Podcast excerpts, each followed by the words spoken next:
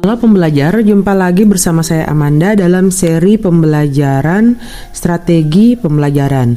Nah, setelah kemarin kita membahas tentang pembelajaran kontekstual, pada episode kali ini kita akan mulai membahas tentang pembelajaran berbasis masalah.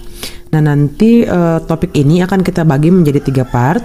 Di part yang pertama, kita akan membahas tentang landasan teoretik dan konsep dasar uh, serta karakteristik dari pembelajaran berbasis masalah. Nah, pembelajaran berbasis masalah merupakan salah satu strategi pembelajaran yang dapat membawa siswa pada pembentukan kemampuan berpikir tingkat tinggi. Pembelajaran berbasis masalah ini berupaya menyuguhkan berbagai situasi masalah yang autentik dan bermakna kepada siswa. Dengan pendekatan ini, memberikan peluang bagi siswa untuk melakukan penelitian dengan berbasis masalah nyata dan autentik. Apabila terbentuk kebiasaan ini, maka kemampuan berpikir tingkat tinggi akan mudah terbentuk dan menjadi kebiasaan bagi siswa dalam kehidupannya. Nah, di sini uh, guru bisa memulai pembelajaran dengan mem memberikan suatu konteks atau suatu cerita tentang hal-hal yang terjadi di sekeliling siswa yang mana nanti siswa dengan sendirinya uh, akan menemukan masalah dari situasi tersebut. Ya, jadi di sini guru hanya berperan sebagai pengarah kepada siswa. Nanti mereka yang akan e, berupaya atau berpikir apakah itu masalah yang ada di sekeliling mereka itu krusial untuk dipecahkan atau tidak. Nah, nanti e, proses pemecahan masalah itu yang akan dikaitkan dalam e, topik materi yang mau diajarkan. Nah, jadi pada uh, proses ini guru memberikan kesempatan kepada siswa untuk menetapkan topik masalah, walaupun sebenarnya guru guru sudah mempersiapkan uh, apa yang harus dibahas. Uh, di sini proses pembelajaran diarahkan agar siswa mampu menyelesaikan masalah secara sistematis dan logis. Nah, dilihat dari aspek psikologis, belajar dalam uh, pemecah pro, apa dalam pembelajaran berbasis masalah ini berdasarkan kepada psikologi kognitif yang berasal dari asumsi bahwa belajar adalah proses perubahan tingkah laku berkat adanya pengalaman. Belajar bukan semata-mata proses menghafal sejumlah fakta, tetapi suatu proses interaksi secara sadar antara individu dengan lingkungannya. Melalui proses ini, sedikit demi sedikit siswa akan berkembang secara utuh. Artinya, perkembangan siswa tidak hanya terjadi pada aspek kognitif, tetapi juga aspek afektif dan psikomotor melalui penghayatan secara internal akan masalah yang dihadapi.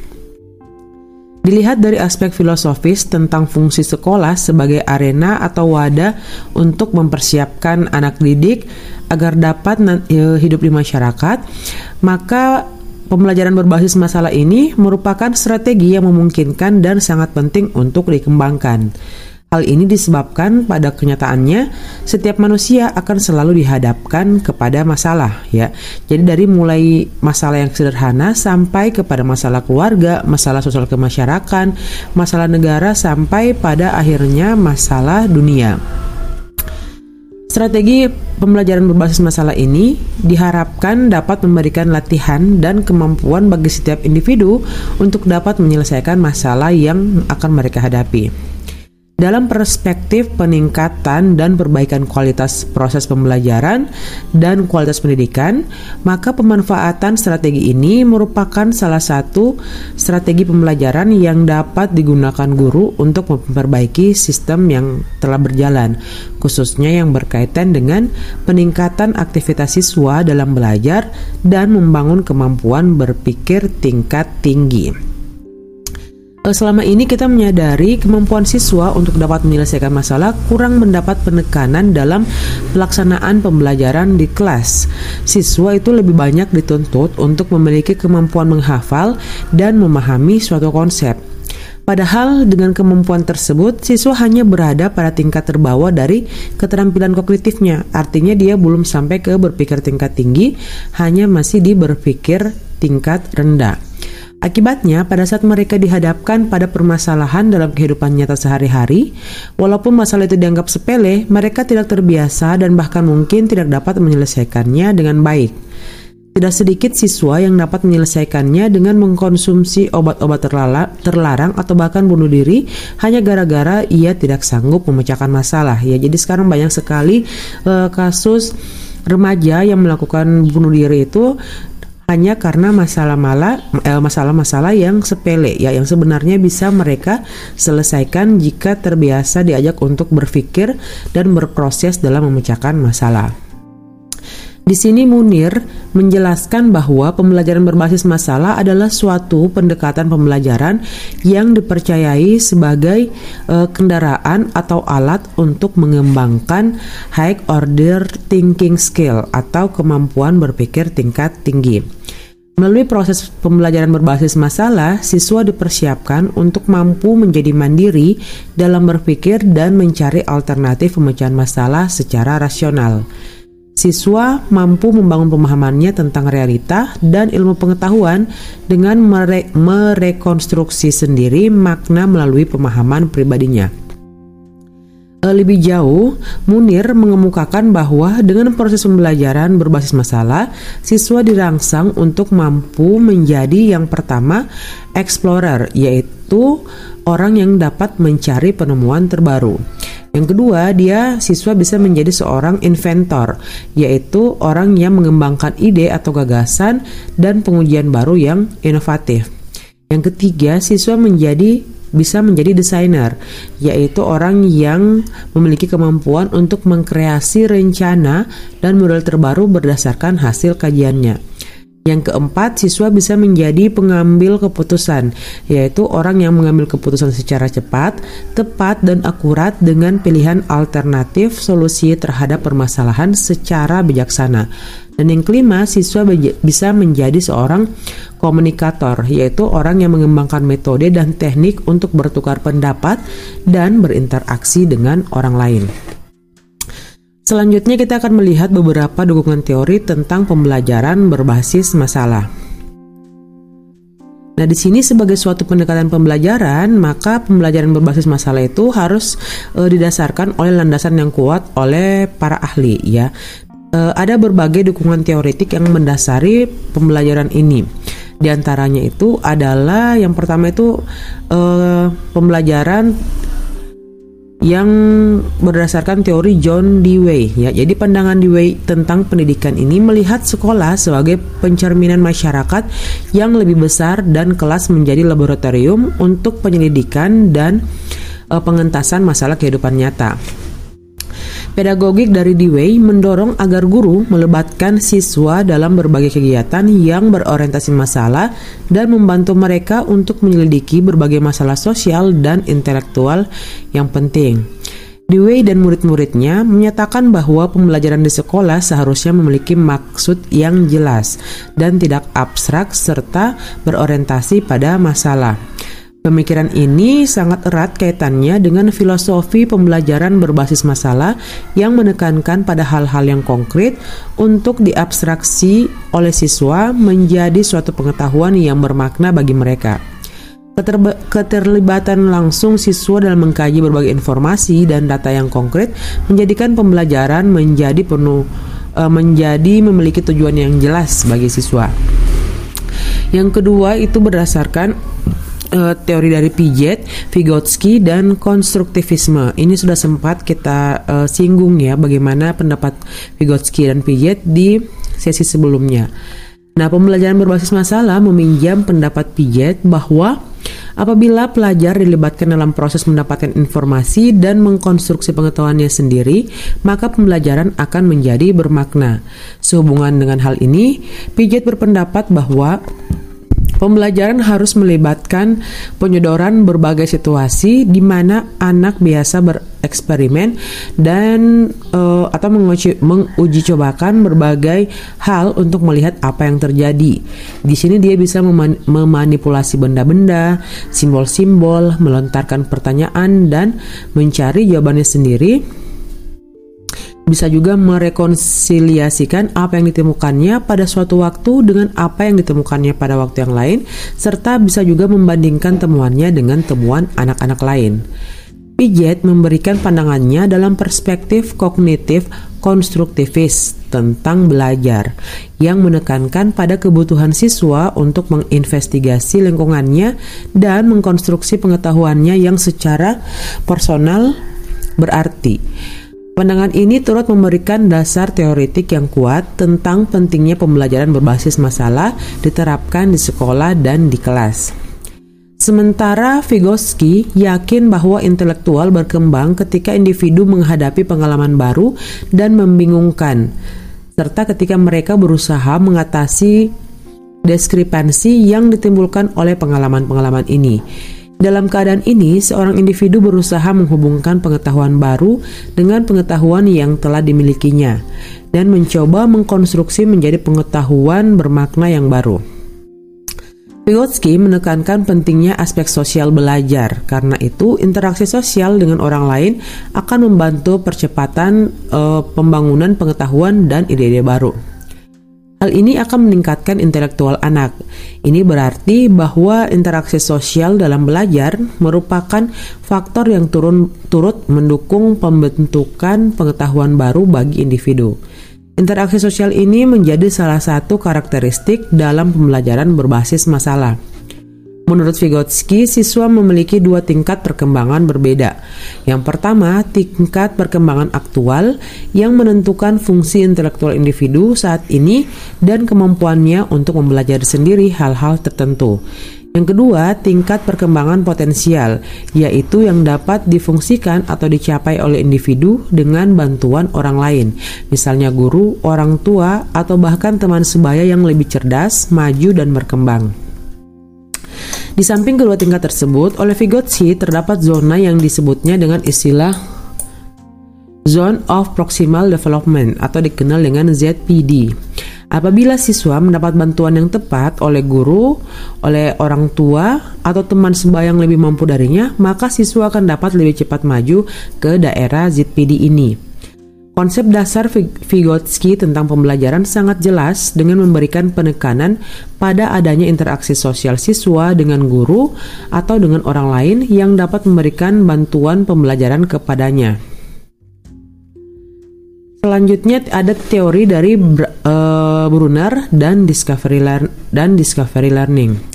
Jadi Brunner merupakan tokoh reformis kurikulum dan memberikan dukungan yang kuat terhadap strategi uh, pembelajaran discovery ya atau discovery learning yang memberikan tekanan pada pentingnya membantu siswa untuk memahami struktur atau ide-ide kunci suatu disiplin ilmu.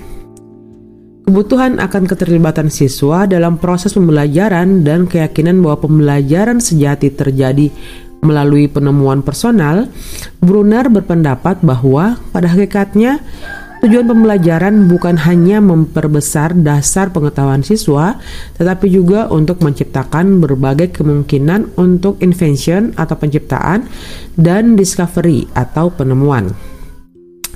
Pembelajaran berbasis masalah juga mendasarkan salah satu pemikirannya pada pendapat Brunner ini, khususnya ide tentang scaffolding, yaitu suatu proses di mana siswa dibantu untuk mengatasi masalah tertentu yang berada di luar kapasitas perkembangannya dengan bantuan orang lain. Jadi konsep scaffolding ini pada dasarnya mirip dengan konsep ZPD yang dikembangkan oleh Vygotsky tadi. Brunner menganggap sangat penting peran dialog dan interaksi sosial dalam proses pembelajaran. Karena interaksi sosial, baik di dalam kelas maupun di luar kelas, akan memberikan perolehan bahasa dan cara-cara mengatasi masalah bagi siswa. Tetapi dialog dan interaksi yang dimaksud di sini bukan hanya sekedar dialog lepas dan tanpa arah, tetapi harus dialog yang memerlukan bimbingan guru dan arahan dari orang lain yang lebih mampu. Nah, berdasarkan dari konsep Brunner ini, maka seorang guru yang akan menggunakan pendekatan berbasis masalah harus menekankan pada beberapa hal berikut dalam proses pembelajarannya.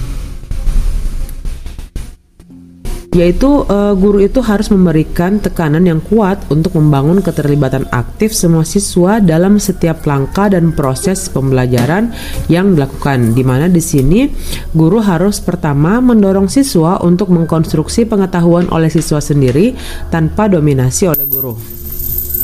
Yang kedua, guru memberikan pertanyaan-pertanyaan kepada siswa untuk didalami dalam berbagai kegiatan penyelidikan hingga siswa sampai pada penemuan ide-ide dan mengkonstruksinya menjadi bangunan teori. Paling tidak sampai pada pemahamannya yang mendalam tentang teori. Yang ketiga, orientasi yang digunakan adalah induktif, bukan orientasi deduktif ya. Jadi induktif ini maksudnya orientasinya itu bersifat dari hal-hal yang bersifat uh, bersifat dari mulai dari hal-hal yang bersifat khusus lalu mengarah ke hal-hal yang bersifat umum, bukan sebaliknya.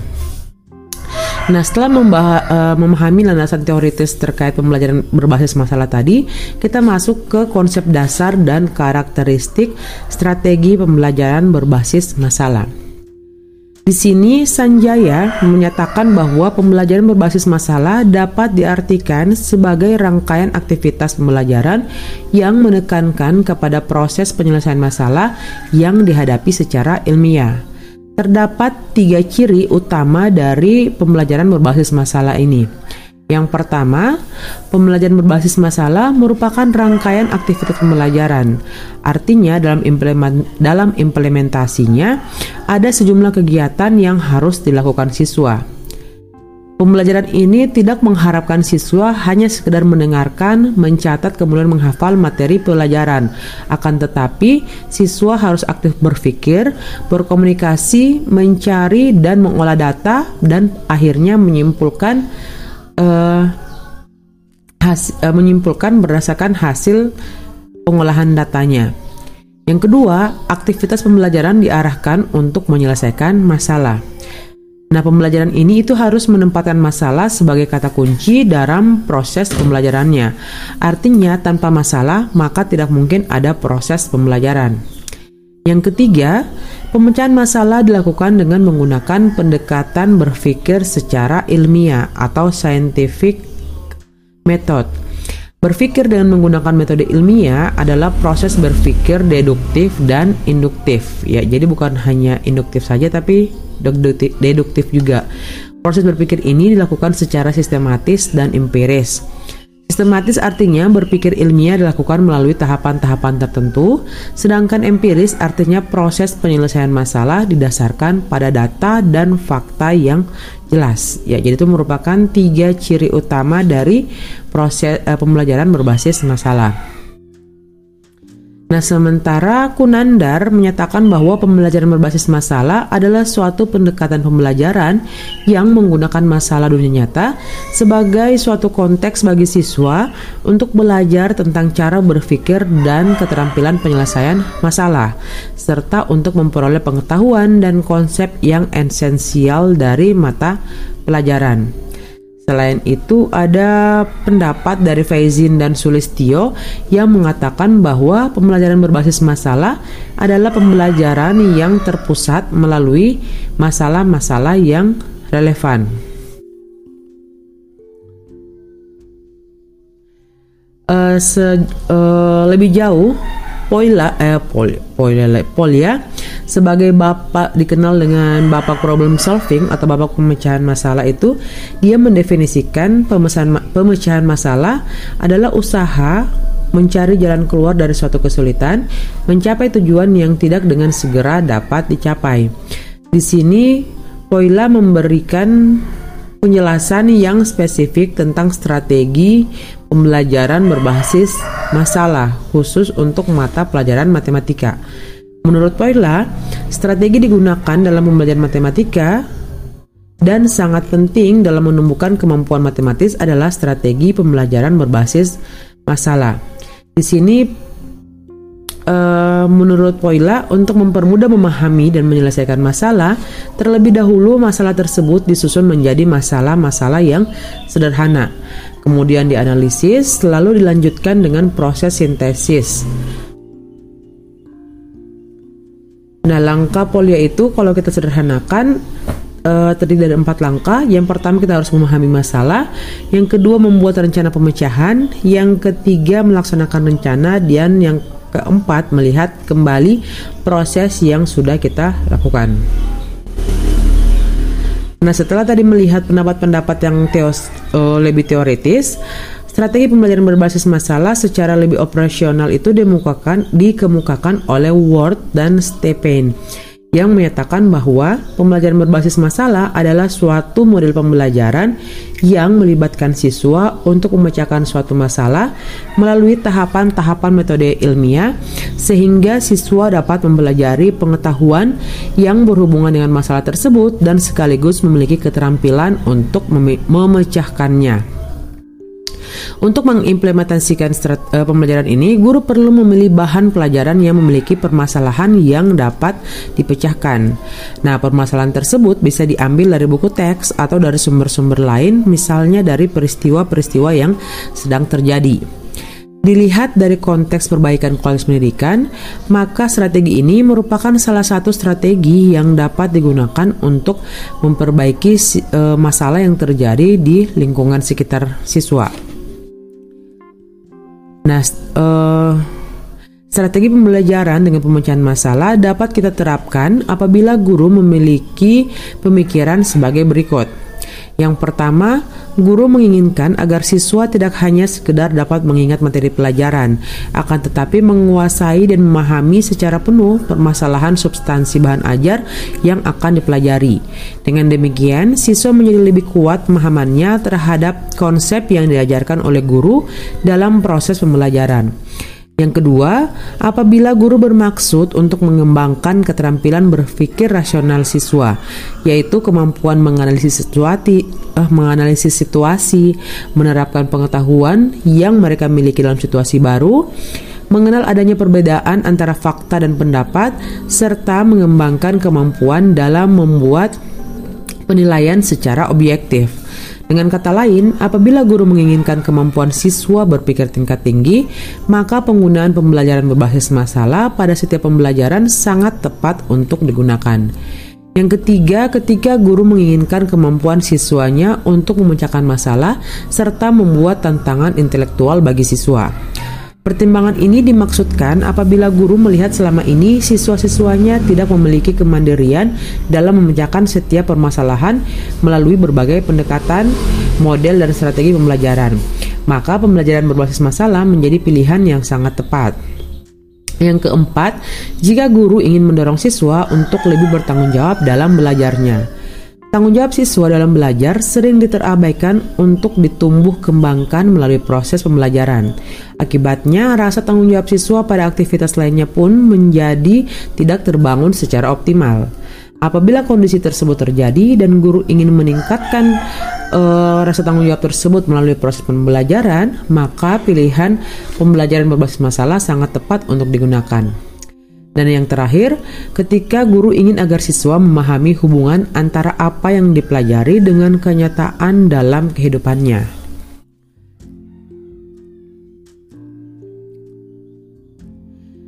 Nah, selanjutnya kita akan melihat fitur-fitur dari pembelajaran berbasis masalah yang telah dideskripsikan oleh Arens ya. Nah, yang pertama fiturnya itu adalah pertanyaan atau masalah perangsang ya. Jadi pembelajaran harus disiapkan dengan sejumlah pertanyaan-pertanyaan atau masalah-masalah yang dapat menjadi perangsang bagi siswa untuk menemukan masalah lain atau dapat berpikir untuk meneliti masalah yang ditemukannya berdasarkan ungkapan guru.